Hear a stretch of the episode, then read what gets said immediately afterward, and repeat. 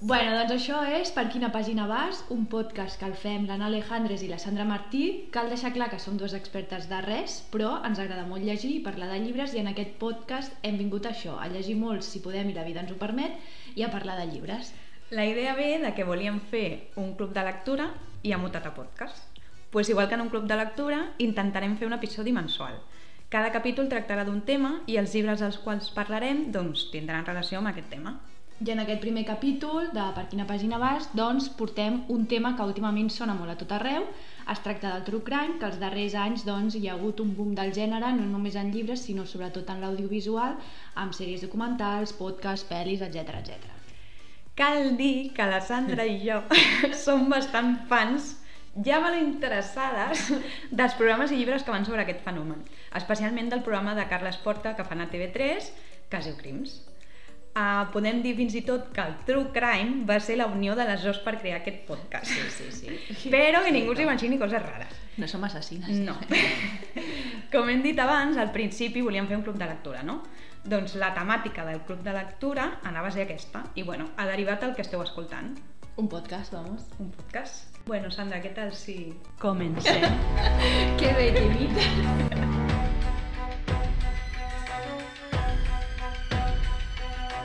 Vale, per, de què tracten els llibres de True Crime? Per qui hagi viscut en una cova o acabi de sortir d'un coma o jo què sé.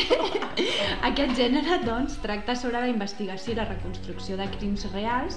Solen ser casos bastant mediàtics i que engloben algun tipus de misteri. Podríem dir que el true crime es focalitza sobretot en els assassins en sèrie, és a dir, en el mal individual, on reconeixem que hi ha gent atreta pel pur plaer de matar i són històries reals que ens mantenen en tensió i molts cops doncs generen terror. A mi personalment em fan por, o sigui, gènere de terror i true crime estan bastant a la part, però sí que és veritat que m'enganxa més el true crime o no em fa tanta por Sí. eh, com el terror, podríem dir, eh, perquè hi ha una part bastant psicològica. No sé si a tu et O passa... sigui, et fa més por una pel·li de terror Sí, que una sí. cosa que ha passat la vida. Sí. Vale.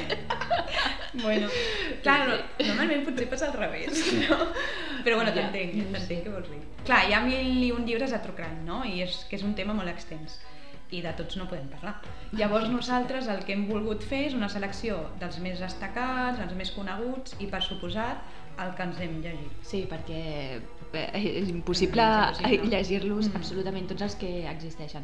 Igualment recordem que sempre deixem el llistat de tots els llibres que portem als diferents capítols que anirem fent al nostre Instagram, per quina pàgina vas, i és això, que allà, el, doncs, si voleu recuperar algun títol de «Ai, m'he perdido, què ha dicho?» Sí, no? bueno. estan tots apuntats allà. Ah, Exacte, allà fem un, un llistat. Tu, Anna, quins t'has llegit així de, de True Crime? Vale, doncs jo m'he llegit alguns que tracten de casos territorials, Ahà. o sigui, que passen no només a Catalunya, sinó també per Espanya. Vale? Llavors, els dos primers que anomenaré no poden ser uns altres que els del programa de ràdio i televisió Crims. Home, Vale? O sigui, no podien ser uns altres que aquests.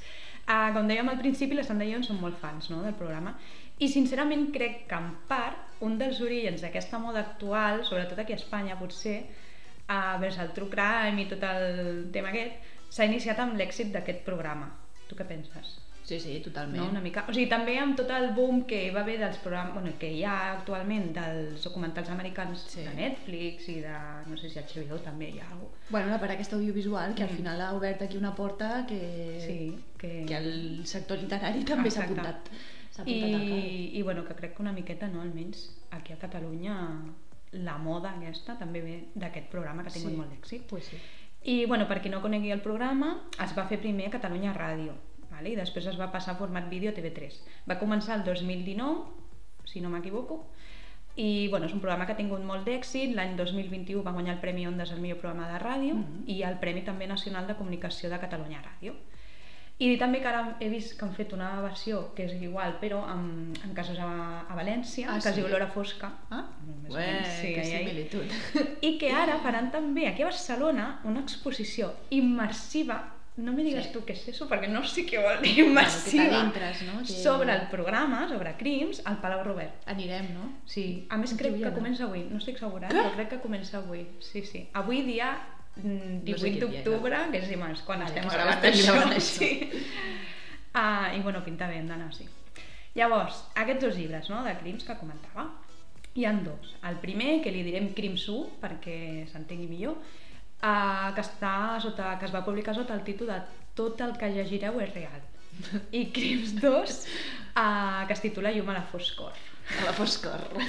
Vale. Posarem Llavors, aquest programa ens sorgeixen aquests dos llibres, no? que són escrits els dos pel periodista Carles Porta i que estan uh, publicats per La Campana, un el 2020 i l'altre el 2022 respectivament on bueno, el presentador parla de diferents casos criminals reals succeïts principalment a Catalunya, però també inclou algun per a Espanya Mm. o a l'estranger. Uh, alguns d'aquests casos els hem pogut veure al programa de TV3 o escoltats al programa de ràdio, però d'altres no, que potser en un futur poden ser programes Ah. de, o de la ràdio o de, del programa de la tele.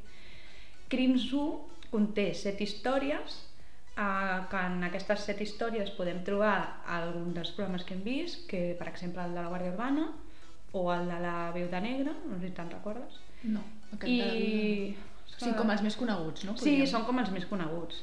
I després el de Crims 2, el segon llibre, conté 10, conté una miqueta més, i la majoria ja han sortit també al programa, com per exemple el del Canamat o el dels cosins Piris. Clar, és que els capítols de la sèrie, diguéssim, eh, tampoc són... tampoc hi ha masses eh, gravats.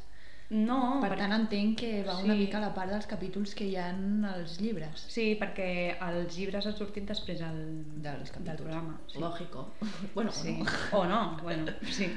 Bueno, tots dos ten contenen històries reals i bastant així com spookies, no? Ah. Triades pues, pels perfils de l'acusats, per la complexitat de la investigació o per l'impacte social i mediàtic que hagi, que hagi pogut tenir, no? O sigui, són històries que ens estremenen perquè, clar, succeeixen molt a prop nostre. O sigui, a la nostra ciutat o al nostre poble, descobrint-nos una mica doncs, una vessant en la que normalment no pensem, una vessant una mica fosca, però que està allà, que és que la gent està piradíssima, vamos, per estar. El guai d'aquests llibres és que en Carles Porta, a més de que ho explica d'una forma així com molt pròpia, amb un ritme narratiu molt captivant, eh, ho fa de forma que va revelant tots els angles del cas com a poc a poc i per tal de que nosaltres també no, ens, fem com, ens puguem extreure conclusions pròpies del que va passar més enllà de la sentència final o de, de lo que els propis investigadors del cas hagin Sí. documentat. Sí, no? sí. Ah, I bueno, doncs això, que l'autor fa molt bon còctel on barreja tots els ingredients necessaris per fer doncs, una història mm,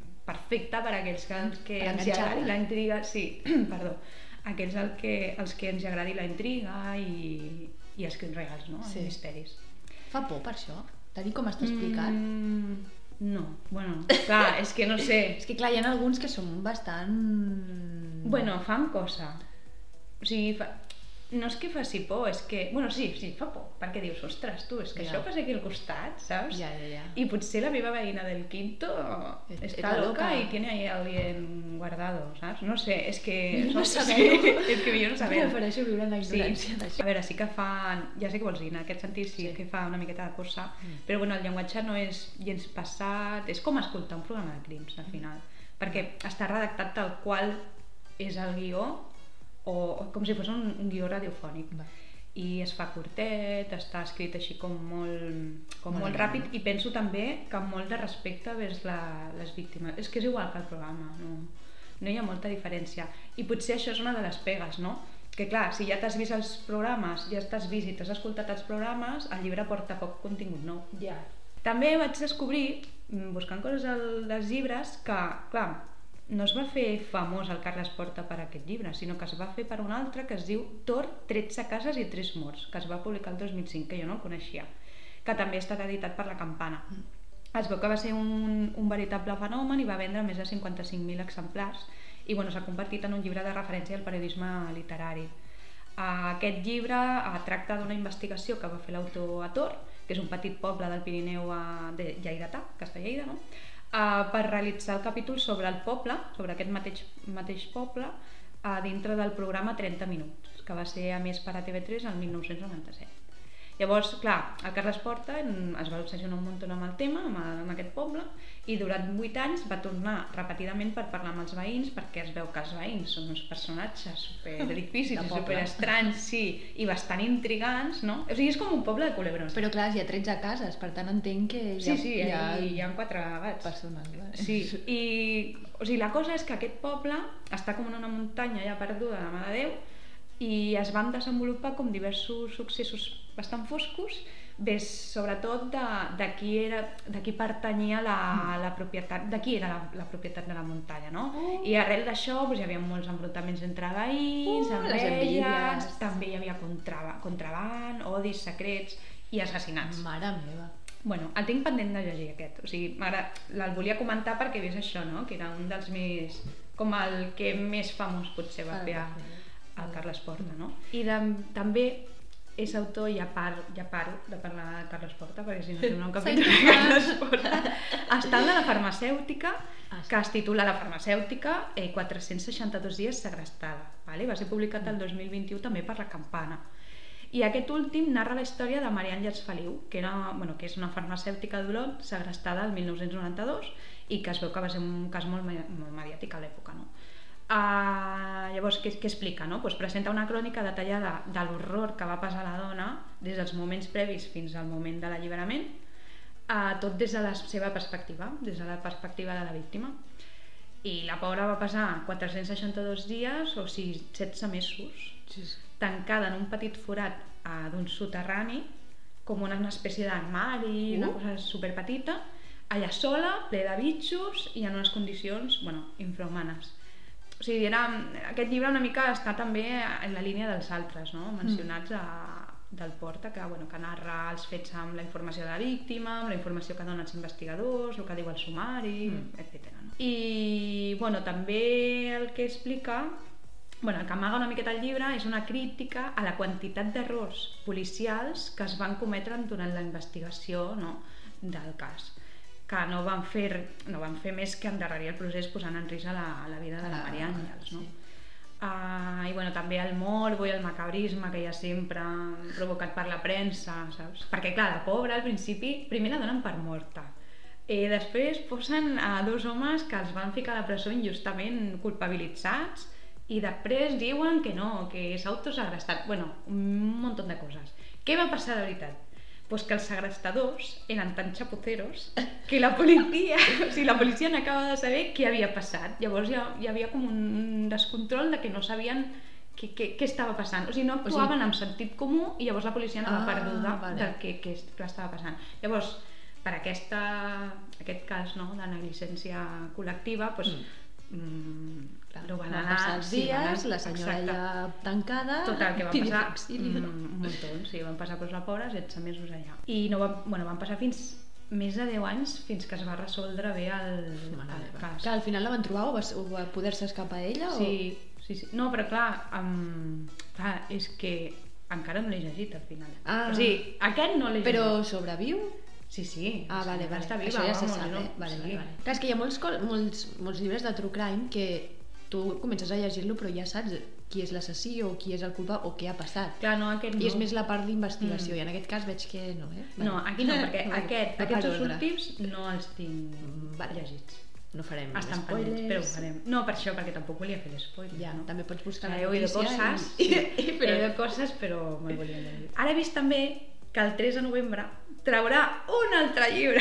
Mare meva. que es diu Crims la noia de Portbou Ah, vale, el cas de que també Porta. està editat per la Campana i va sobre el cas que podem veure als dos últims capítols Sí, de la tercera de- temporada eh, i bueno, el que bàsicament ofereix l'autor en aquest llibre nou són noves claus no, d'aquesta història malrotllera de la qual no se sap al final No, no, no sé si hauran trobat alguna... Però van, van bueno, en el, això, el crim surt, eh, però que van com eh, tornar a obrir el cas Sí. i van saber la identitat de la noia perquè no se sabia, bla, bla, bla, arrel de, del programa del de programa. Sí, sí, sí. molt Arrel de la investigació per Sí, poder sí. fer el programa, doncs van tornar a cas. Sí, sí, sí. I llavors jo penso que tot el que han anat descobrint ho aniran explicant Bueno, aquí al sí. llibre.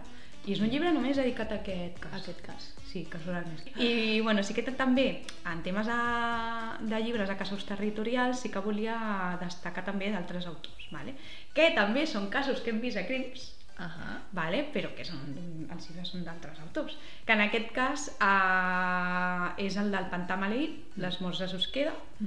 eh, va ser publicat el 2021 per la Campana i està escrit per la Tura Soler. Que m'encanta aquesta senyora, Que també surt a capítols de crims. Sí, per- perquè estan tots els fregados, saps? O sigui, estan tots els fregados de True Crime d'Espanya. I bueno, el llibre és una crònica periodística literària que parla del doble assassinat de la parella de joves Marc i Paula, que van aparèixer morts després un mes desapareguts -hmm. al pantà de Susqueda, a Girona, Mm. al 2017, que em fa molta por aquell, aquell Ja, ja, ja. Anem d'excursió. Aquest... No, no. Què fas aquest fin de al No, perquè de meva, Susqueda. eh, quina història.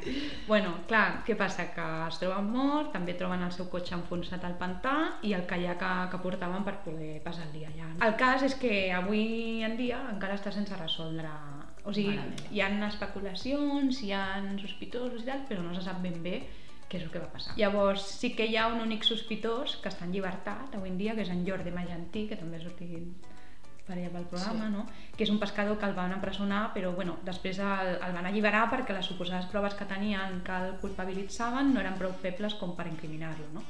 I bueno, el cas és un cas que amb, amb mil intrigues obertes, perquè clar, i sense resposta, perquè des, es desconeix el mòbil del crim, no se sap quina va ser l'escena del crim, tampoc han trobat l'arma homicida, si està tot com no se sap. No se sap. Molt raro, molt Sí, és una incògnita tot, total, no? I a més també diuen que enmig de l'assassinat de, del Marc i la Paula hi ha un munt d'intrigues relacionades amb, amb les raves, saps? Ah, les sí? festes aquestes. Sí, sí, sí que perquè per hi ha una zona ha- diuen, allà al costat del pantà, que fan festes aquestes, o que feien antigament, i pescadors furtius, traficants de marihuana, bueno, no sé, barregen moltes coses. I això la Tura Soler ho esmenta al, al seu llibre. Diguem que el llibre, en realitat, també és com un recopilatori d'informacions, o sigui, d'informació de coses que, que, han, que han anat succeint allà al, al pantà mentre la periodista investigava el cas.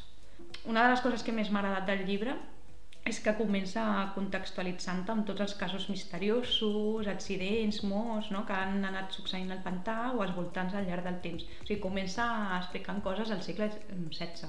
Uh, Mm. o sigui, no, des 16, de, no, 17, perdó. Des de tan lluny ja hi havia el tema truculències, de eh, bruixes de- i tot això. Ah. tarada, sí. Com a pega, sí que dic que diverses vegades em desenganxava. No sé si per la forma en com està escrit, liava una mica, a vegades semblava una novel·la, a vegades semblava un reportatge, no sé, no... També penso que no porta gaire nou, el que hi ha al llibre ja ho sabíem, de les notícies, dels programes aquests tipus com de Sí. crims, no? documentals i tal, i que sí que transmet que s'ha dedicat molt de temps, que està molt ben documentat, però que, clar, bàsicament és un detall de tots els viatges que feia la periodista al pantà. Vale. Que no hi ha intriga, que a vegades sembla que no passa res, no? Ja. Que esperava una miqueta més, Mm. aquest llibre. També porto un altre llibre que va sortir ara el 2022 també, que es diu Qui va matar l'Helena Gobany, que és un altre capítol de. Cris. El Vale. 2 de desembre del 2001, fa 19 anys, van matar Helena Jubany llançant-la de dalt a baix d'un quart pis a Sabadell. està escrit pel periodista Iago García i Zamora. Aquest llibre està dedicat a la investigació de, del cas de la mort de la bibliotecària Helena Gubany, que va succeir el 2001, i bueno, quan es va trobar el seu cadàver al pati de llums a un pis de Sabadell, després de ser llançat des del terrat. I encara avui en dia es tracta d'un cas sense resoldre del tot bé, no? Bueno, sembla que... No me l'he llegit, eh, aquest llibre, també, o sigui, el porto perquè és com dels meus pendents, sí i que pinta molt bé perquè això, perquè aquest llibre el que dona una miqueta al, al Iago són noves proves no? Mm, i noves mm, sí, noves proves que donen una miqueta la llum al que podia ser al final de, Del cas. Sí. Sí, sí. I, bueno, que es veu que també que gràcies al recordatori del capítol de Crims un jutge va decidir reobrir el cas no sé si ho vas veure, va sortir a la tele Sí, algun sonava, sí, Mm. sí. Llavors, què passa en aquest cas? Que, clar, al principi la policia va declarar que es tractava d'un suïcidi. Mhm. Vale? És, un- és el, més, el primer que se li van venir al cap, jo què sé. Però, clar, comencen a desconfiar perquè detecten que havia caigut gairebé fregant l'edifici de manera que es deduïa que la jove no s'havia impulsat per tirar-se, saps? L'havien llançat des d'una terrassa Mm. i a la pobra l'havien llançat pues, espollada, amb trossos de cabell cremats i amb una quantitat ingent de benzodiazepines a l'organisme. I clar, comencen a lligar fils perquè descobreixen que setmanes abans havia rebut dos escrits anònims, no sé si te'n recordes Sí, cap, sí, sí. eh, dos escrits anònims acompanyats de begudes adulterades amb aquesta, amb aquesta substància. Què passa? Que clar, mm, això, tres mesos abans del seu assassinat, l'Helena troba aquest primer, un, de, un primer missatge escrit a mà, super creepy, al portal de casa seva, juntament amb una horxata, que es veu que era la seva beguda preferida, i unes pastes, no? Cosa que demostrava que qui li va deixar allò, qui li La va deixar l'anònim, la coneixia. Mm.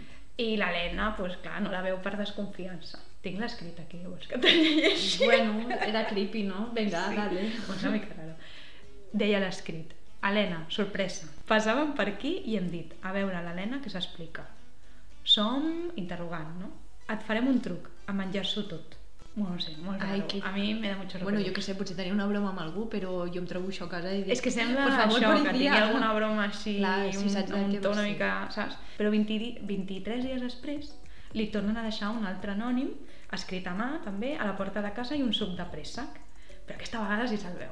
I tinc descrit. A veure, llegeix, llegeix. Diu, Helena, abans que cap altra cosa esperem que et prenguis això amb el mateix sentit de l'humor que nosaltres. A la tercera et destaparem el misteri. És força segur que, és força segur, perdó, que et faràs un bon tip de riure. Ens agradaria molt tornar a coincidir en una excursió de la UES, que és, són les sigles a Unió Excursionista de Sabadell. I acaba dient, ja en parlarem. Clar, si saps de què va la cosa, o sigui, jo suposo que, Sí. que l'Helena Jovany sabia de què anava tot això, no? Però... Clar, suposo que la segona ja veuria que ja se'n som... Bueno, i més si han ficat la UES, no? Clar, clar. Ja se'n som... Se'n suma, suposo Ai, no que sé, és no algú sé. d'aquesta... Jo no me lo bebo. Jo això no me lo bebo. Bueno, doncs ho va veure, la pobra. Llavors, uh, bueno, l'Helena va començar a trobar-se malament i desconfiant va Mm. portar a analitzar les restes del suc a un laboratori on van trobar, què van trobar? Benzodiazepina, que és el mateix somnífer que van trobar al seu cadàver. Bueno, doncs aquests dos missatges misteriosos la policia es va relacionar amb, amb persones del seu entorn d'amistat, Sí. entre comillas, no? Que formaven part de la Unió Excursionista de Sabadell, que era la Montse Careta, que era una mestra, en Santi la, la Iglesia, que era un advocat criminalista, i l'Anna Echaguibel Rat. Uh, bueno, no van trigar a descobrir que una de les persones de l'agrupació, una d'aquestes tres persones, la Montse Careta, vivia al pis des on es va llançar la bibliotecària. Ah... Llavors, bueno, van començar a, a hilar, no? Sí. i bueno, també van demanar una pericial cal·ligràfica dels anònims no? que li havien escrit i amb algunes llacunes van concloure que eh, la Montse Careta era l'autora parcial de dues de les cartes i que potser també l'altra noia, l'Anna, era el segon escrit, també havia participat en el segon escrit. Eh, però clar, quin va ser el motiu de l'assassinat? Pues No tot sé. això el Lleó ho explica en el llibre, ho intenta Ah, resoldre. vale.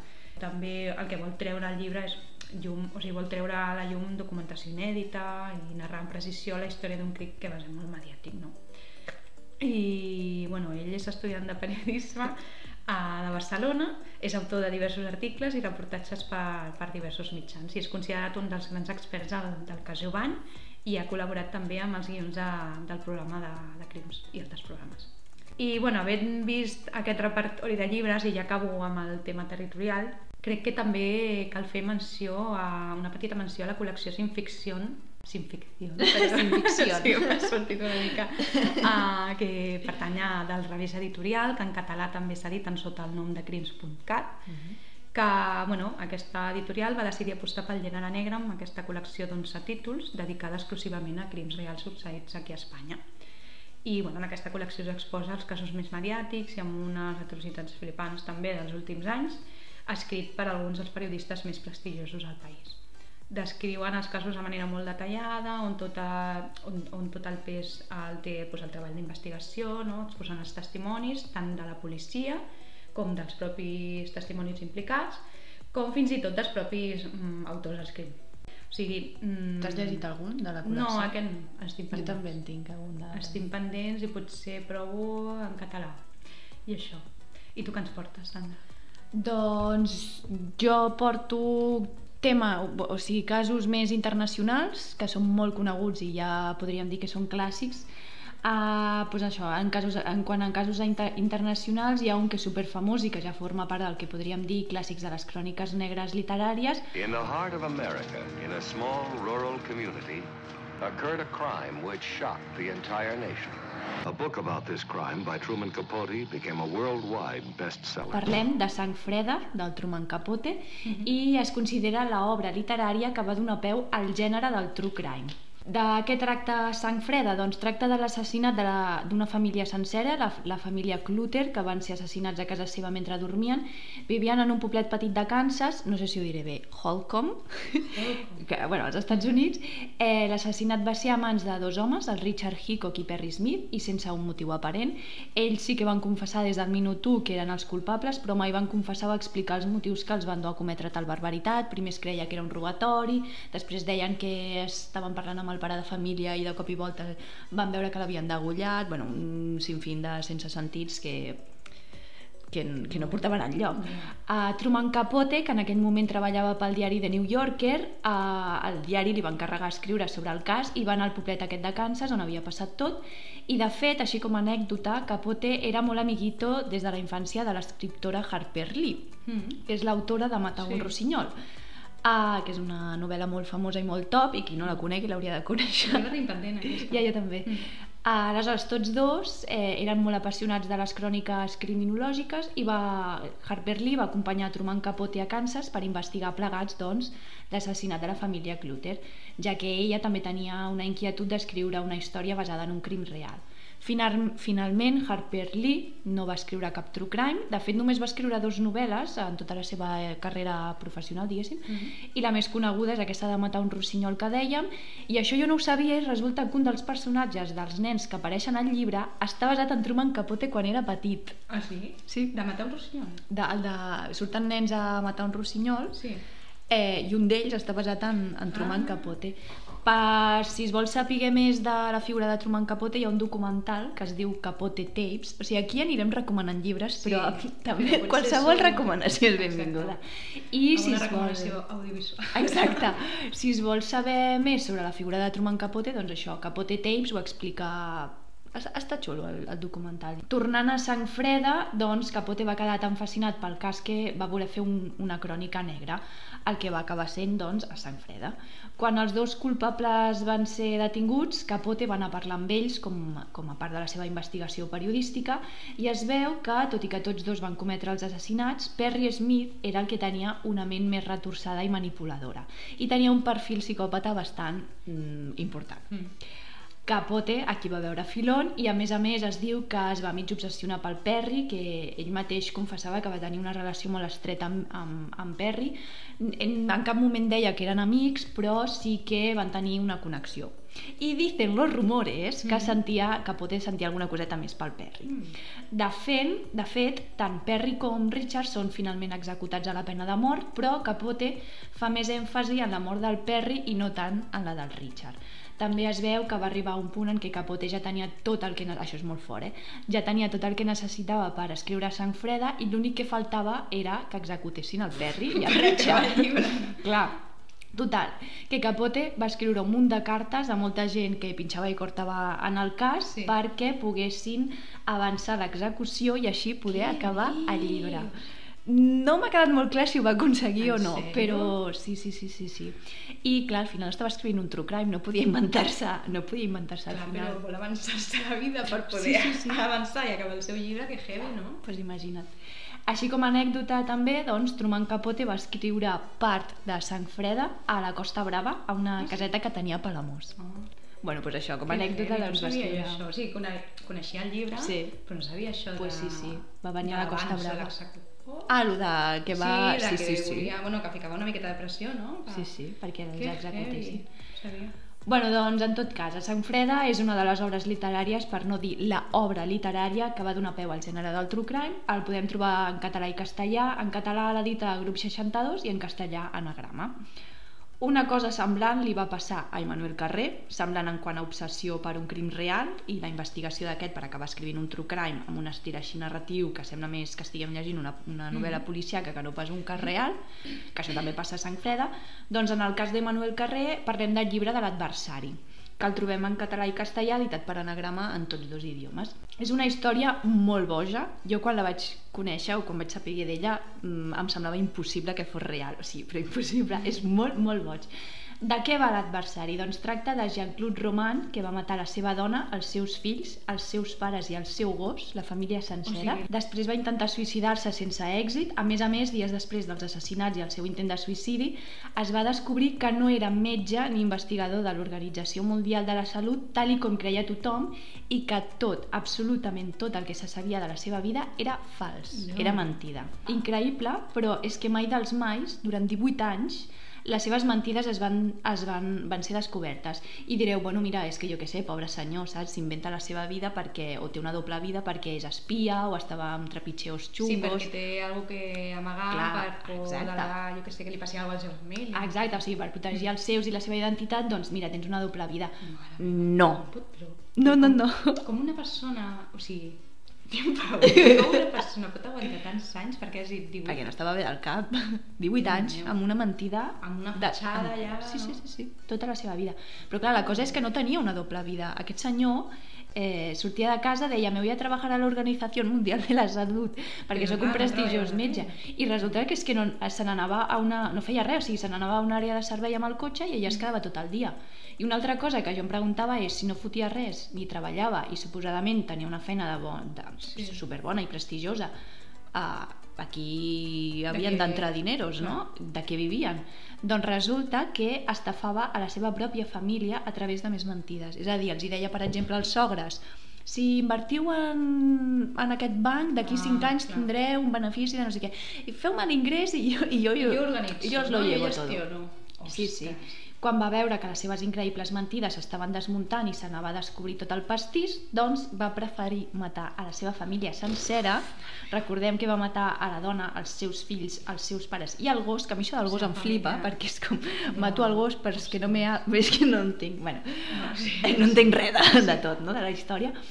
Aleshores és això, que preferia matar la seva família sencera abans d'afrontar la farsa que havia creat. I referent a això, a, al fet de ser humiliat o que el vegin com un fracassat, hi ha un fragment que apareix al llibre True Crime, La fascinació del mal, escrit per Vicente Garrido, que això més endavant també, Sí, també el explicarem. parlarem d'aquest llibre. Uh, és un llibre completíssim sobre els perfils criminals basat en casos eh, convertits en true crime i porta un fragment en el que fa referència, Vicente Garrido fa referència a l'adversari i és rotllo conclusiu del perfil d'aquesta persona, de, de Jean-Claude Roman. Això sempre m'ha encantat fer-ho, eh? agafar el llibre, tinc un pòsit aquí posat i llegir el fragment. El fragmento dice...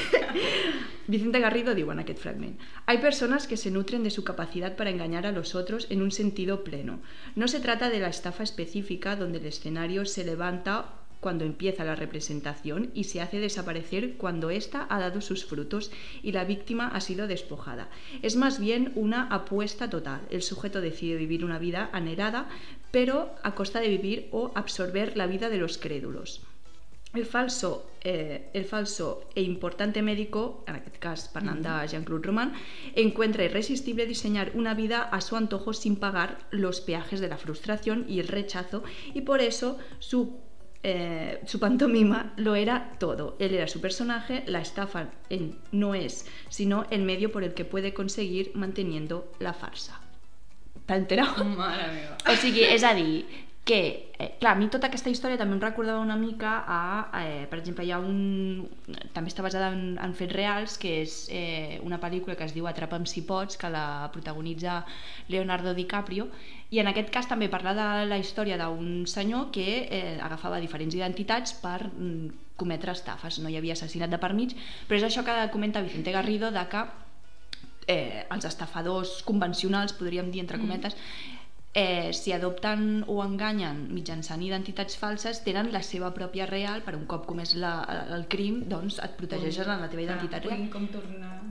Clar, però el, el que passa amb Jean-Claude Roman és que la seva identitat falsa era la seva identitat real també, o sigui, no podia... Bueno, total, que Manuel Carré davant d'aquesta locura va dir por Dios bendito, aquí hi ha una història que me la quitan de les manos. I va voler fer una cosa similar a Truman Capote. De fet, eh, es va mirallar amb a sang freda per escriure sobre el cas de Jean-Claude Roman, és a dir, va voler anar a entrevistar-se amb ell, però l'advocat de Roman li va prohibir eh, fer entrevistes de cap tipus, ella estava bastant hermètic en aquest sentit. També va voler anar al poble on va passar tot i entrevistar gent que coneixia l'assassí, però la història és molt diferent a la de la família Cloter de Sang Freda, perquè en aquest cas era, o sigui, en el cas de l'adversari, era una taranyina de mentides internes i la família era la principal font d'informació i Roman els havia matat. Total, que la metodologia que havia seguit Capote no era factible pel cas que volia explicar Emmanuel Carré. I per això, a diferència de Sang Freda, on el narrador podríem dir que és omniscient, és a dir, que és un narrador que ho sap tot, que, Mhm. que ho veu tot, en el cas de l'adversari, el narrador és el propi Emmanuel Carré que explica la història com a investigador. Ah. O sigui, una cosa semblant al que tu comentaves de crims o els que portaves de, de casos així com més eh, territorials, Sí. però sí que és veritat que mm, tu estàs llegint l'adversari no és un no, no, no és un estil periodístic com podria ser més els, els casos que tu portaves eh, i en aquest cas és això que Manuel Carré doncs, agafa la veu eh, de narrador i explica sigui, és tota la com, investigació. ho deies abans, uh, com si fos una novel·la, una Sí, policia. sí, exacte, no? Exacte, com si Manuel Carrer fos un personatge més, de, fos el Estigués allà protagonista. integrat a la història.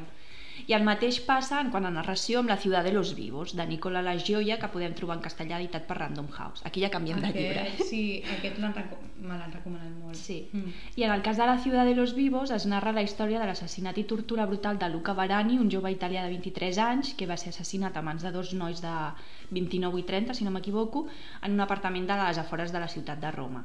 Els dos assassins, que eren, bueno, són Marco Prato i Manuel Fofo, després d'estar com dos o tres dies tancats a l'apartament d'un d'ells i posats fins les celles d'alcohol i drogues, doncs un d'ells, que amb prou feines coneixia a Luca Barani, la víctima, mm. Doncs van decidir eh, trucar-lo perquè vingués a, a l'apartament. I Luca Barani hi va anar sense saber que no en sortiria mai més en vida. Va ser assassinat amb, amb una violència brutal i sense un motiu aparent en aquell apartament. Això va passar el 2016 a Itàlia i és un cas que va tenir molt de ressò eh, i, força, i és força conegut allà a Itàlia. A la ciutat de los vivos, l'autor que és Nicola La Gioia, recull en forma de crònica literària el cas. Ho explica doncs, el que dèiem una mica no? en moments que sembla una ficció de narrativa policiaca i altres moments que introdueix converses de WhatsApp reals entre els assassins i la víctima o converses reals també de familiars o amics. També trobem declaracions que va fer la policia o es van fer durant el judici. És a dir, un estil molt semblant al que va fer Manuel Carrer amb l'adversari, que és el que comentàvem. Va, fer, va ser un cas molt boig, no només pels actes comesos, sinó per com es va tractar els mitjans de comunicació, va ser canelita en rama per ells, perquè era un cas molt truculento i amb incògnites de per mig. Sí, això que li agrada a la premsa, vamos. Ai, ai, ai. El morbo, El salseo, no? sí. El morbo, al final. El cas és que la societat italiana es preguntava i sortia a debat, aquí també el ressò mediàtic, més enllà del, del morbo que generava, que es preguntaven que què va portar dos nois joves a matar amb tantíssima crueltat i brutalitat a un altre noi jove sense un motiu aparent. Doncs aquí entra en joc, i també Nicola La Gioia ho posa damunt la taula, fa una lectura de classes socials. Tot passa en un moment de crisi econòmica al país, en, en aquest cas mm -hmm. referint-nos a Itàlia. Marco Prato, eh, un dels assassins, és un relacions públiques de la nit romana molt ben posicionat. Manuel Fofo, que és l'altre implicat, l'altre assassí, ve d'una família que té diversos restaurants i econòmicament no els, falta, no els falta de res i després està Luca Barani, que és la víctima que ve de família modesta i estava ficat, es veu, en trepitgeus truculentos ven, venia droga en ocasions es diu que es prostituïa per treure's uns dineros Mare meva. però tot això es, o sigui, tot això ho feia, tota aquesta part fosca, diguéssim, de Luca Barani, ho feia a esquenes de la seva família, de la seva nòvia, dels seus amics més propers. Podríem dir que portava una segona vida bastant xunga, una mica també el que parlàvem de segones identitats Sí. amb, amb l'adversari, no? guardant les distàncies, evidentment. Eh? Però es veu que tota aquesta part xunga de, de Luca Barani doncs, va sortir, eh, o es va descobrir eh, després de l'assassinat. Amb tot això i la bogeria del cas, doncs Nicola La Gioia, que és l'autor, i és un reconegut periodista, escriptor molt reconegut allà a Itàlia i també amb forta presència als mitjans de comunicació uh, Dios mío, no sé de comunicació. Doncs es va obsessionar pel cas i va començar a investigar, a buscar entrevistes a entrevistar ell mateix a gent implicada en el cas pues això, una metodologia molt semblant a Manuel Carré amb l'adversari. I en tots tres casos, tant a Sang Freda, l'adversari o amb la Ciutat de los Vivos, el que veiem, per, o el, el que em, em sembla a mi que tenen en comú, mm. més enllà dels assassinats, no? eh, és el procés d'investigació que fan els, els autors, no per esbrinar qui eren els culpables, perquè en aquests casos, en, en totes tres eh, narracions, doncs ja sabem des del segon u qui és l'assassí, sinó que el que inten- intenten esbrinar és què els ha portat als assassins a tal nivell de maldat, de crueltat, que els ha portat no només a matar Sí, una sí. persona, Mhm. sinó a fer a fer-ho a amb tal nivell de, de violència i, i brutalitat.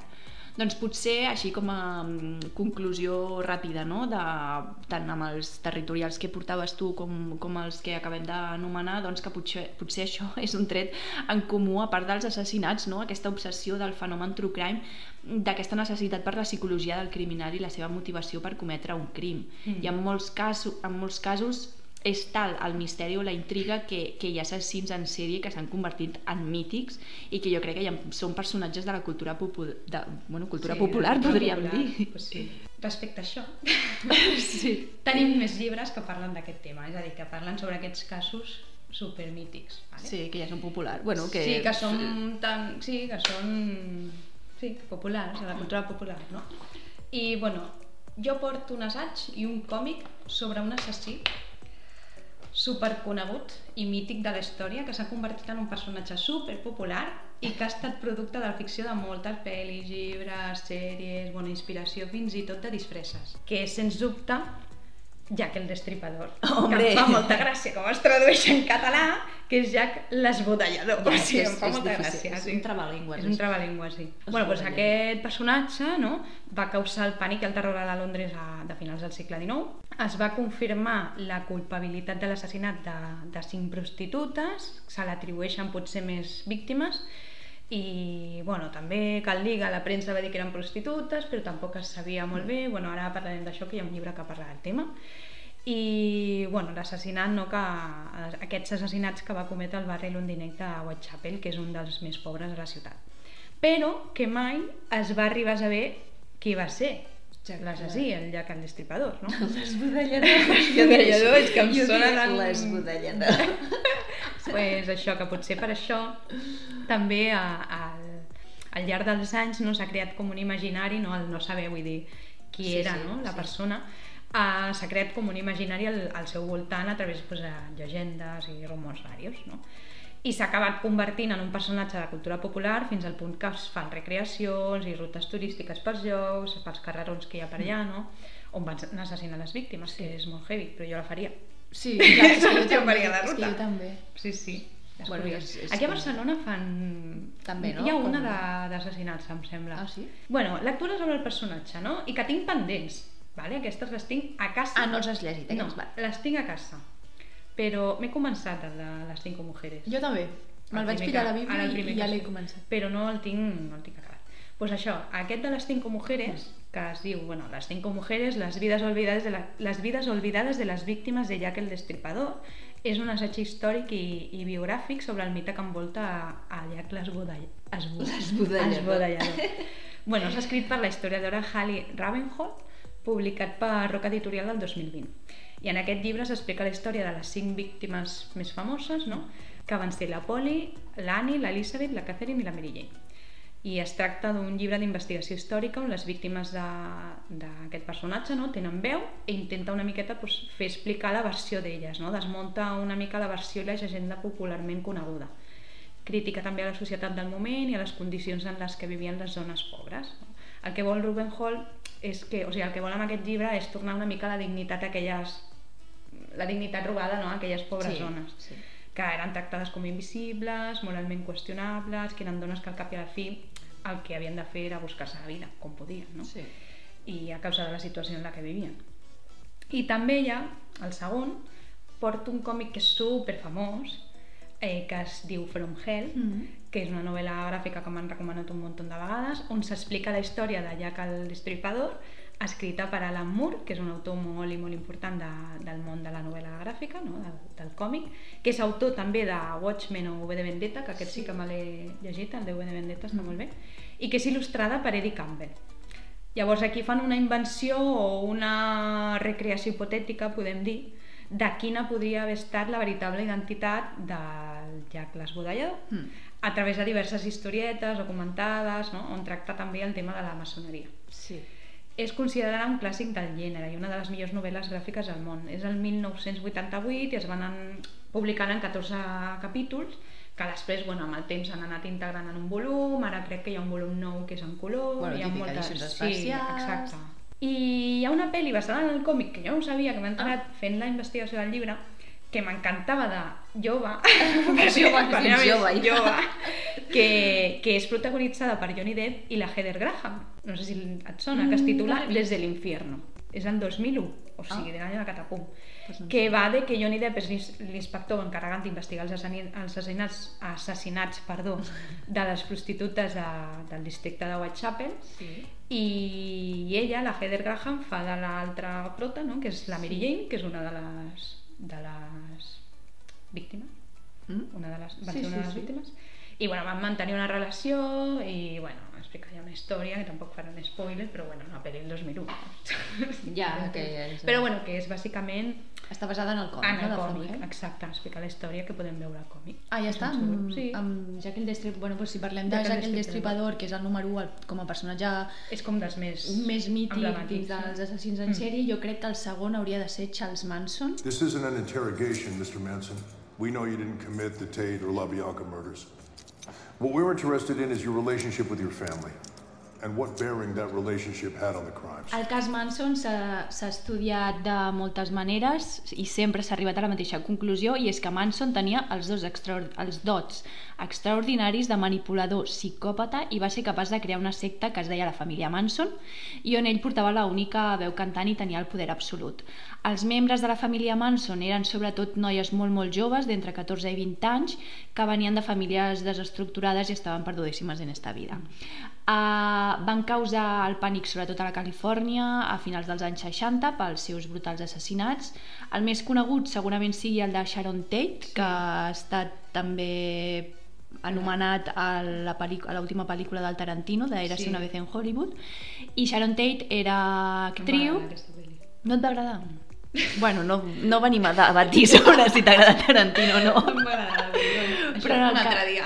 Exacte. Que bueno, Sharon Tate eh, és això, que era actriu i era mm, l'esposa de Roman Polanski, el director de cinema, i va ser assassinada per la família Manson a casa seva a cuchillazos, a, a punyalades, a, quan estava embarassada de 8 mesos. És que és molt fort, això. Bueno, va ser com el cas que més ressò va tenir i el més popular. Hi ha moltíssims documentals sobre la seva figura, sobre la figura de Charles Manson. Apareix a pel·lícules i a sèries com, com personatge secundari, eh, el que dèiem, a l'última pel·lícula de, de Tarantino, també apareix a diferents capítols de Mindhunter, eh, també apareix a capítols de Los Simpsons, Bueno, apareix a totes bandes. Exacte, o sigui, és com que ja ha arribat al que és la cultura popular actualment. També hi ha tropecientes biografies, molts llibres sobre ell, però hi ha un que voldria destacar i es tracta de Member of the Family, escrit per Diane Lake, que ella va ser una de les noies que va estar a la secta Manson, i en aquest llibre, que només està en anglès, així que si vols practicar anglès, t'anirà bé. Eh, bueno, t'anirà bé, que T'anirà bé, ha quedat, que l'anglès el portes fatal. ha quedat molt malament. Bueno, això només el podem trobar en, en, en anglès i en aquest cas no explica, o sigui, Diane Lake no explica o recrea en a, o es recreen els crims que va cometre en nom de Manson, sinó que ajuda a entendre qui era Charles Manson i per què els membres que formaven part de la, de la, de la secta van fer el que van fer. Ell era, membre, era la membre més jove de la comuna, amb 14 anys, i el llibre de Member of the Family el va, el va escriure quan en tenia 64, és a dir, 50 anys després. També hi ha Però una... explica- Digues. Perdona, però que explicarà, o sigui, explica la vida O sigui, Aquella explica... etapa no, que va passar allà. Sí, però no explica, la seva, no explica tant la seva vida o, el, o els, els assassinats O sigui, el que va seu- cometre, sí. sí, o els delictes que va cometre, eh, sinó que explica com era Manson, fa una descripció de qui era i es veu com molt la part psicològica i tota la manipulació que Sí, és tenia. més d'ell que no de la meva vivència Ah, exacte, i a de la fet, família Manson, i de fet no? quan es va... Sí, exacte. I aleshores quan es va fer el judici contra Manson, i també estaven totes les noies implicades en, en els diferents assassinats Mhm. que formaven part de la família Manson, Diane Lake va ser l'única que, va, que va testificar contra Charles Manson, mentre que la resta seguien absortes. Vull dir que bueno, fa com aquesta reflexió de, de com les havia manipulat. Mm. També hi ha un altre llibre, en aquest cas de ficció, però es basa també en una de les noies de la secta Manson. Es tracta del llibre Les xiques, d'Emma Klein. Està en castellà, editat per anagrama, i tot i que és ficció, doncs es veu clar els abusos pels que van passar aquestes noies i com Manson els hi va menjar el coco a su antojo. Una mica el que ja reflecteix Diane Lake, en aquest cas eh, fets reals. Eh? En el cas de les xiques, doncs és ficció. Com a anècdota, es diu que el llibre de capçalera de Charles Manson és, o era, Cómo hacer amigos e influenciar en les persones. que és un llibre d'autoajuda que segueix editant, sí. o sigui que si veieu algú que l'estigui llegint o, o algú que l'estigui comprant o el que sigui, vigileu, huir, corret, truqueu a la policia, si us plau. Sí, ja bueno, ja el, el títol ja... Sí, el títol ja ja pistes. Una altra... Bueno, això en quant a Charles Manson, eh? Una altra figura que també forma part del, de la nostra cultura popular i del nostre imaginari popular, podríem dir que és la màfia, sobretot Mm-hmm. la italiana, que és la que més bombo se li ha donat sobretot en l'audiovisual, en pel·lícules com El Padrino o Scarface, entre tropecientes mil que, que existeixen. Si parlem de màfia italiana, true crime i llibres, el resultat ens porta al llibre Gomorra, de Roberto Saviano. També s'ha fet pel·lícula amb, amb el mateix títol.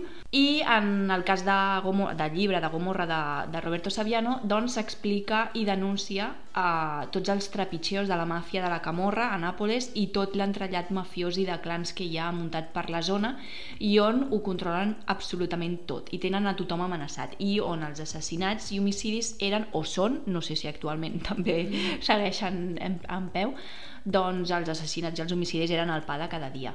Un cop es va publicar la novel·la basada en els delictes i crims, com dèiem, comesos per les màfies de la Camorra Nàpoles, eh, es va editar el 2006, doncs Saviano encara ara ha de viure en vigilància permanent i escortes 24 hores perquè està amenaçat de mort per la màfia des de que es va publicar el llibre. És una, en una entrevista eh, que li feien a Saviano doncs explicava que Gomorra li va donar un èxit mundial com a escriptor però a canvi està pagant les conseqüències d'haver molestat la màfia i des del 2006 no pot tenir una casa fixa, ha de demanar permís als seus escortes per tot, fins i tot per quan ha d'anar al lavabo ha de viure amb les persianes sempre abaixades, no pot confiar absolutament en ningú, les seves amistats les ha perdudes Vale. i, evidentment, impossible formar una família. Pues quin horror, no?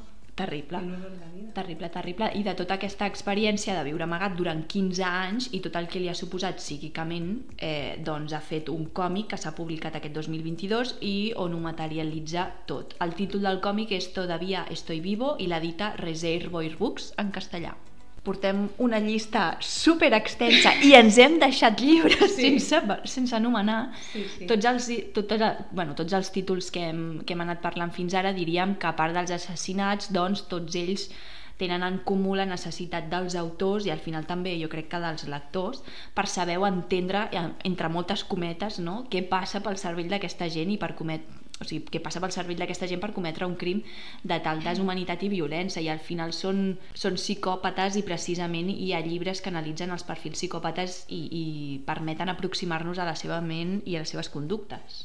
Sí. Tu te n'has llegit algun o d'aquests així com més d'anàlisi psicològic? O... Sí, d'aquests sí. Clar, i penso, vale, molt bé.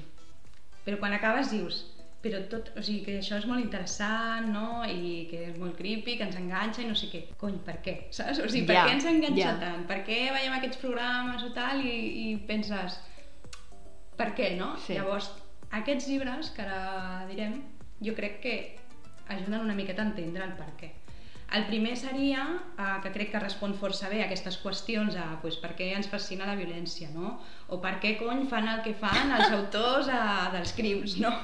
Eh, crec que és, per exemple, el de Homos Criminalis. Sí. Bueno, es titula Homos Criminalis, el crimen en... és en castellà. El crimen a un clic, los nuevos riesgos de la sociedad actual, que és editat per Ariel el 2021 i és el segon llibre d'una de les criminòlogues més importants d'Espanya, que és la Paz Velasco de la Fuente. Es tracta d'un llibre que investiga i analitza l'actualitat en termes d'agressió i violència, és a dir, el per què no, de la criminalitat actual en la societat en la, en la O sigui, que és vivim més, un avui en llibre, dia. és més com un llibre de consulta, no?, que podria... Um, pues ara m'interessa aquest tema, o Sí. he llegit sobre això i, i vols saber, no? Més que no llegir-te el Sí, és com una espècie de, de manual. Sí. No? El, sí, és com una espècie de manual per veure això. O sigui, com un manual de criminologia, no? on a través de 20 temes ens esglossa doncs, les barbaritats que, que fa l'ésser humà, Mm. de, doncs, això de forma bastant amena i fàcil d'entendre per tothom, que no Sí. és només per criminòlegs o Ja. per qui està estudiant criminologia. No? I ens dona una idea de com és la crònica negra del món i diferència doncs, per classes els assassins, no? una mica una investigació en aquest sentit. És un anàlisi no, en profunditat de com l'evolució de la societat ha creat noves formes de criminalitat a través sobretot de les noves tecnologies, Mm. com per exemple coses que no havia vist en ma vida i que no vull veure, però coses com els copycat killers, uh, les snuff movies, bueno, mejor que no lo sepas, els incels, Ai, crec que ja sé que... Vale. pedòfils i paradastes digitals, sí. etc. O sigui, unes coses que... O casos, també tracta casos famosos, com el de la Dàlia Negra, Mm. Uh, que per exemple mm, em vaig recordar mentre el llegia del podcast que a vegades t'he parlat d'ell, que és la periodista Elena Merino, que es diu, és també tracta temes de true crime, de terror i tal, i es titula Elena en el país de los horrores. Ah, sí? Sí, sí. Llavors van fer com una sèrie de gravacions sobre aquest tema de, de la Dàlia Negra, que està molt bé, que jo només he pogut escoltar el primer perquè no hi ha hagut manera de poder escoltar Però perquè et fa la por resta. o perquè no no perquè no em funciona. Ah. sí, no sé per què no em funciona i no acaba de trobar i no ho he pogut eh, escoltar. Però el primer, Oh, que t'introdueix a la història, Sí. està força bé. Vale. Eh, bueno, en resum d'aquest llibre, d'Homos Criminalis, doncs, que intenta una miqueta desxifrar els components socials i psicològics que caracteritzen els criminals, no? és un estudi de la criminalitat humana. Mm. I m'ha fet gràcia perquè tracta un tema, o sigui, tracta un tema, ella intenta preguntar, preguntar-se, vull dir, si la psicopatia facilita l'èxit professional. Evidentment. Jo dic que sí, Sí, sí, saps? sí. Jo dic O sigui, que sí. només cal veure qui hi ha el poder. Clar, Sí. ella, o sigui, es refereix una miqueta doncs, sobretot a això de doncs, que els grans caps d'empresa doncs, si tenen algun ras de psicopatia... Hi ha de tot, no eh? sé, Però vull dir? hi ha de tot, Sí, hi ha de però- tot, clar. Bueno, de fet, relacionat amb, amb el que dius d'èxit professional, també em ve al cap el llibre de Eichmann en Jerusalem, Ah, on, la, sí. on la Mm. Hannah Arendt parla de la banalitat del mal i ella va anar com a, com a periodista al judici d'Adolf Eichmann, condemnat per genocidis contra el poble jueu durant la Segona Guerra Mundial, ja que ell era un tinent coronel de la SS i era el màxim responsable de tota la burocràcia que va permetre doncs, el genocidi, i Arendt va acabar concloent que Adolf Eichmann no portava la maldat dins seu o tenia un perfil de monstre, tot i la barbaritat que havia comès, sinó que era un individu comú i corrent que simplement actuava eh, o acatava ordres sense realitzar cap mena de reflexió ètica i, un, i humana davant d'aquestes ordres. O sigui, en cap moment Arendt justifica o pretén defendre res del que va fer aquest Clar, senyor, eh? però Mm.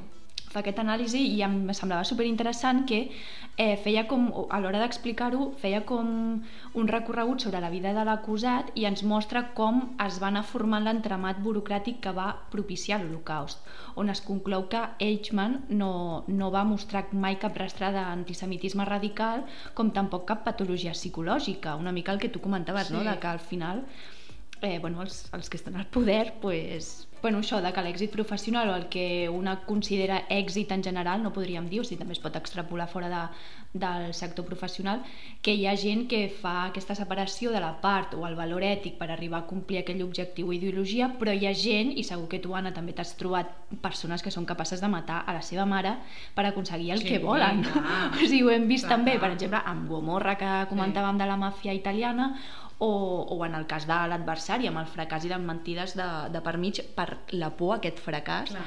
i el, el que ell considerava èxit no? I sabent perfectament hi ha gent que sap perfectament que el que fan és immoral o delictiu però per raons de conveniència ho fan i també o per convicció, també és una manera potser d'autoprotegir-se mentalment d'aquest autoengany de que estàs fent eh, una cosa per, per convicció i, els, i, i a més també els radicalismes ideològics també es podrien incloure, mirar Mm. la violència extrem, de l'extrema dreta i com podríem dir que gràcies bueno, gràcies, no, però bueno, no sé com dir-ho, però que a causa d'internet i les xarxes socials i no sé fins a quin punt també eh, podríem incloure els mitjans de comunicació, doncs com s'estava analitzant aquest tipus de violència, en aquest cas d'extrema dreta, no? És, Mm. bueno, la banalitat al final de, de tota aquesta maldat. Tampoc ens posarem a filosofar, eh? No, sí. Però en tot cas, el true crime, com hem anat veient, que, que nos vamos de la, por las ramas, eh? però es podria dir que el true crime eh, se centra més en els assassins en sèrie, en el mal individual, on es pot reconèixer i afirmar que hi ha gent atreta pel pur plaer de matar, vull dir que no... Sí.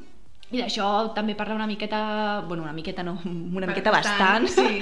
Vicente Garrido, al llibre de True Crime, La fascinació del mal. Sí, aquest llibre, que ja és l'últim que portem, Sí. uh, De la infinita de la llista. infinita llista, sí, perquè portem molt de rato. Però bueno, eh, bueno, va ser publicat també per l'editorial Adient el 2021, que jo crec que el 2021 és l'any de la moda del True Crime, Sí, perquè estan sí, sí, les sí, editats totalment. entre el 2020-21 fins ara.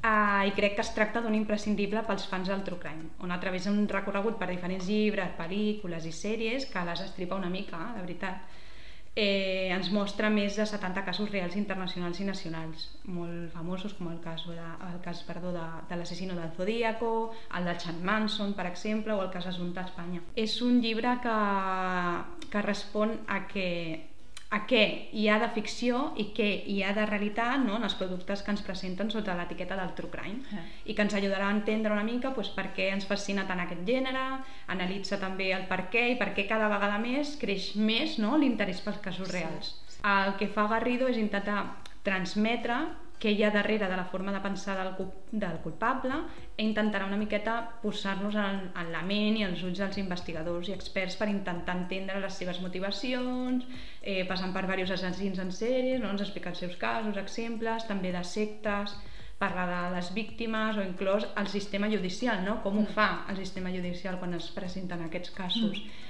pues hi ha corrupció, hi ha negligències per una banda, bueno, aquestes coses, no? Tot de forma molt objectiva i amb molt de rigor i a vegades amb un to que jo crec que, que ja es veu que ell és un, un expert criminòleg. No? És un llibre molt interessant, el recomano si t'agrada això del tema del Del crime, però tampoc aporta una cosa super nova. Ja. O sigui, no, és que... I spoilea molt de les sèries i de les pel·lis. O sigui, si, si no te l'has vist primer, et fas una repassada del llibre, mires a veure què, tens, Ja. què hi ha de pel·lis i sèries i te les veus. Perquè si no, spoiler. Bueno, i aquesta part així com més psicològica que deies, que jo crec ja com a conclusió ja, ja no portem més llibres, ja està aquí la llista. No, no. Eh, que precisament aquesta part més psicològica, una mica el que hem anat dient al llarg del capítol, doncs aquesta part psicològica i de conducta sigui el que ens atrau o ha fet del true crime un fenomen i és que al final el true crime es pot tractar de mil maneres i, llen i llenguatges per exemple el boom de l'audiovisual que dèiem també el literari, els podcasts i al final el true crime tracta els crims des d'una vessant psicològica i d'inve- i d'investigació. I potser això és el que ha generat aquesta fascinació aquest interès per la, la psicologia del criminal i la seva motivació per cometre els crims, una mica entendre o adentrar-nos en aquesta ment eh, dels, del psicòleg, anava a dir, del psicòpata, del psicòpata. Sí, perquè tu, Sandra, què creus que està... O sigui, per què creus que ens agrada tant? Pues per això, a part del morbo, aquesta Sí. part... A mi, per exemple, el que et deia abans de que eh, el terror, el gènere de terror i el true crime els tinc com bastant a la part perquè els dos em fan por, eh, però potser m'agrada més o m'atrau més el true crime, tot i que són fets reals i que dius, per què no et fa més por això, no? Sí. Eh, però hi ha aquesta, es veu des d'una part més psicològica, més de conducta, més Sí, social... de- d'investigar i saber per què ho Sí. han fet, què és el que Sí, han fet, jo crec que això és ho la part... Més no? que el crim en Ja, si, ja, el misteri que envolta i tota la part més d'investigació és el que a mi, me... Sí, a mi em crida. Són històries que atrapen Sí. bastant. I tu, què? Jo, jo penso igual. Jo, jo crec que és per curiositat. Mm. I també perquè... O sigui, a veure com ho explico, eh? Uh, perquè crec que ens ensenya. O sigui, tu estàs veient alguna que s'està projectant però no t'afecta. I és com que ens ensenya una mica, o sigui, és una història horrible que puc veure de lluny, però que a mi no em passa. I això o sigui, t'agrada? En soc una super... No, la no és que maldat en otros t'agrada. és que m'agradi. És que en sóc una supervivent, estic veient això, què puc aprendre d'això, saps? També Ja. pot ser, no sé. I bueno, que la violència ens atreu, o sigui, només has de veure un dia, vas pel carrer i veus que dos estan barallant, que està tothom en corrito mirant a veure què passa. Sí. O passa un accident, o el que... O sigui, s'activa una part, el, jo què sé, el cervell que diu... L'efecte xafardero, també. Sí, l'efecte xapardero, el que, pues això també, que ens posa en guàrdia, que ens preveu, no? Pues jo crec que ja hem acabat, no? Pues El sí, aquest capítol- extens aquest- primer capítol. Eh, bueno, igualment recordem, perquè com que hem portat molt, un llistat infinit de tot el que són Sí. llibres, eh, recordem que si algú vol... Bueno, algú, com si Deixarem ens estigués escoltant aquí 300 gent, saps? que deixarem la llista Sí, a Instagram a perquè sigui més fàcil en, o sigui, entendre què és el que hem dit, perquè a mi m'hem dit un muntó. Per recuperar Sí. algun títol, doncs és això, que tots els capítols eh, anirem penjant al, al nostre Instagram de per quina Mhm. pàgina vas, doncs tot el llistat dels llibres que hem anat parlant. Igualment, si ens voleu, perquè evidentment ens hem deixat a la llista, ens hem deixat llibres, Sí, en aquest cas de. True Crime, però en futurs capítols Mm. també ens anirem deixant. Si, uh, si us acut algun llibre que no l'haguem portat Sí. i ens el voleu recomanar, o que no sigui de cap tipus de cap, de cap capítol, totes les recomanacions bienvenides Sí, seran. ens ho podeu deixar als comentaris de, de les fotos, no? Allà, o, Sí, a comentaris o per privat, Sí. sí. O per privat. De fet, el pròxim capítol intentarem fer-lo el mes que ve. Sí. No crec que duri tant, Esperem. perquè és que el True Crime Sí. a nosaltres ens ha donat salseo. I res, fins al mes que ve. Fins al pròxim capítol. Adiós.